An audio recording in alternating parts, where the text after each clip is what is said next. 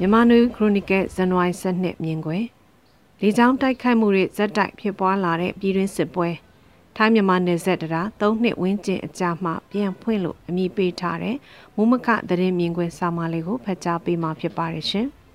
။ခုရပိုင်းတွင်ချင်းပြည်နယ်နဲ့အိန္ဒိယနယ်စပ်က Victoria Camp လို့ခေါ်တဲ့ချင်း National Front CNF ရဲ့ဌာနချုပ်စခန်းကိုစစ်ကောင်စီလေတဲ့တိုက်လေယာဉ်တွေကလေကြောင်းတိုက်ခိုက်ပြီးနှစ်ရက်အကြာမှာ ကင်းပြည်နယ်တပ်မဟာ9နယ်မြေတွေကကြေးရွာတရွာကိုလေကြောင်းတိုက်ခိုက်မှုလှုံ့ဆော်ရမှာ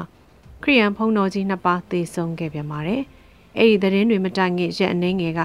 ကချင်ပြည်နယ်ဗမော်နီ AR မြစ်ထက်ရွှေတူးနေတဲ့ဖောင်တွေကိုလေကြောင်းတိုက်ခိုက်မှုလှုံ့ဆော်ခဲ့သည်ပြီးသေဆုံးမှုလည်းရှိခဲ့တာဖြစ်ပါတယ်။ချင်းပြည်နယ်က CNF ဌာနချုပ်ကိုလေကြောင်းတိုက်ခိုက်မှုဟာဆယ်စုနှစ်ချီတဲ့ကာလအတွင်းပထမဆုံးဖြစ်ပြီး မြစ်ကြောင်းမှာတရားမဝင်ရွှေကျင်းတဲ့ဖောင်တွေကိုလေကြောင်းတိုက်ခိုက်မှုမျိုးကလည်းရခိုင်ကတကြိမ်တစ်ခါမှမဖြစ်ပွားဘူးခဲ့ပါဘူး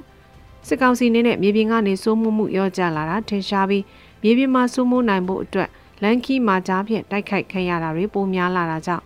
မြေပြင်လန်ခီစခန်းလက်နက်ကိုင်းဖွဲ့တွေစိုးမိုးရနယ်မြေကိုသိမ်းယူထိန်းချုပ်ဖို့တက်စစ်ကောင်စီအနေနဲ့အခုကမှတစ်ဖက်ရန်သူလို့သူတို့သတ်မှတ်ထားတဲ့တိုင်းသားလက်နက်ကိုင်းတွေကိုအထိနာအောင် ထိုင်စခန်းတွေအတိအကျစခန်းတွေကိုတိုက်ခိုက်ဖျက်ဆီးဖို့ရည်ရွယ်လှုံ့ဆော်လာပုံရပါတယ်။အဲ့လိုမကြာခဏလေကြောင်းကတိုက်ခတ်မှုတွေဖျက်ဆီးမှုတွေလှုံ့ဆော်ခြင်းဖြင့်တိုင်းသားလက်နက်ကိုင်းတွေအနေနဲ့စခန်းထိုင်ချဖို့ခက်ခဲအောင်လက်နက်ကိုင်းဖွဲ့ကောင်းဆောင်တွေကိုမိမိတို့စခန်းတွေအထိုင်ကျစေလို့ရင်စစ်ကောင်စီနဲ့စကားပြောလာအောင်ရည်ရွယ်လှုံ့ဆော်တာလည်းဖြစ်ကောင်းဖြစ်ပါလိမ့်မယ်။ဒီထက်ဆိုးတဲ့လေကြောင်းတိုက်ခိုက်မှုကရွှေတူးတဲ့ဖောင်တွေကိုလေကြောင်းကတိုက်ခိုက်မှုဖြစ်ပါတယ်။ ဒီအဖြစ်အပျက်ကသဘာဝပတ်ဝန်းကျင်ကိုပျက်စီးစေတဲ့ရွှေတူးတဲ့ဖောင်တွေကိုတရားဥပဒေစိုးမိုးရေးလှုံ့ဆော်မှုရာ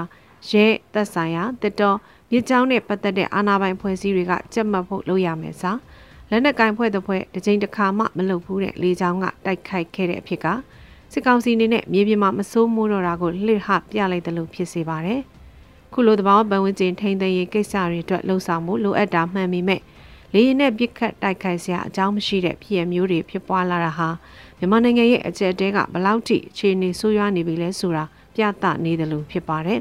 ။စစ်ကောင်စီနေနဲ့မြေပြင်တပ်တွေအကြအဆုံးများနေတာနေရနယ်ပြားစစ်မြေပြင်ဖြစ်နေတာကမြေပြင်ကနေဆူမိုးတဲ့တမယိုးကြရင်ဆိုင်တိုက်ခိုက်ရေးချိန်မုံရေးဗျူဟာကျင့်သုံးမှုကိုလျှော့ချပြီး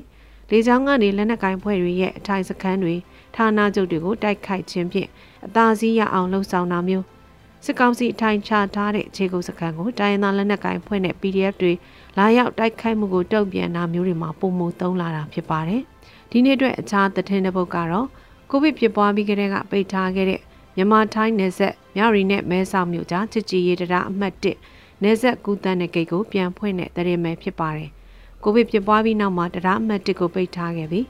ကုန်စည်ရောင်းဝယ်မှုတွေနဲ့တရားမဝင်ဖမ်းဆီးခံရသူတွေပြန်လွှဲပြောင်းတာ ရွှေပြောင်းလူသမားတွေပြန်ပို့တဲ့ကိစ္စတွေမှာအသစ်ဆောင်လုပ်တဲ့တရားအမှတ်နှစ်ကိုအသုံးပြုခဲ့ပြီးထိုင်းနိုင်ငံနဲ့မြန်မာနိုင်ငံသားတွေသို့မဟုတ်အခြားနိုင်ငံသားတွေအပြန်အလှန်ကူးတန်းတဲ့တရားအမှတ်တစ်ကိုတော့ကိုဗစ်ကူးစက်မှုနဲ့နောက်ပိုင်းမှာဆီယနာသိမ်းမှုကြောင့်လုံခြုံရေးအခြေအနေရပါပိတ်ထားခဲ့ရကဇန်နဝါရီ12ရက်နေ့မှာပြန်လည်ဖွင့်လှစ်လိုက်တဲ့သတင်းဖြစ်ပါတယ်။မကြခင်မြောက်ရီကော့ဂရိတ်အမြန်လမ်းမကြီးဆယ်ရဝင်းကျင်ကျော်ကြားပိတ်ဆို့နေခဲ့ရကပြန်ပွင့်တာသတင်းတစ်ပတ်ကြာမှထားမြန်မာနယ်စပ်တရားပြန်ဖွင့်လိုက်တာဖြစ်ပါတယ်။ မဲဆောက်မြို့မှာနေထိုင်နေကြတဲ့စစ်ကောင်စီစန့်ကျင်တဲ့နိုင်ငံရေးသမားတွေ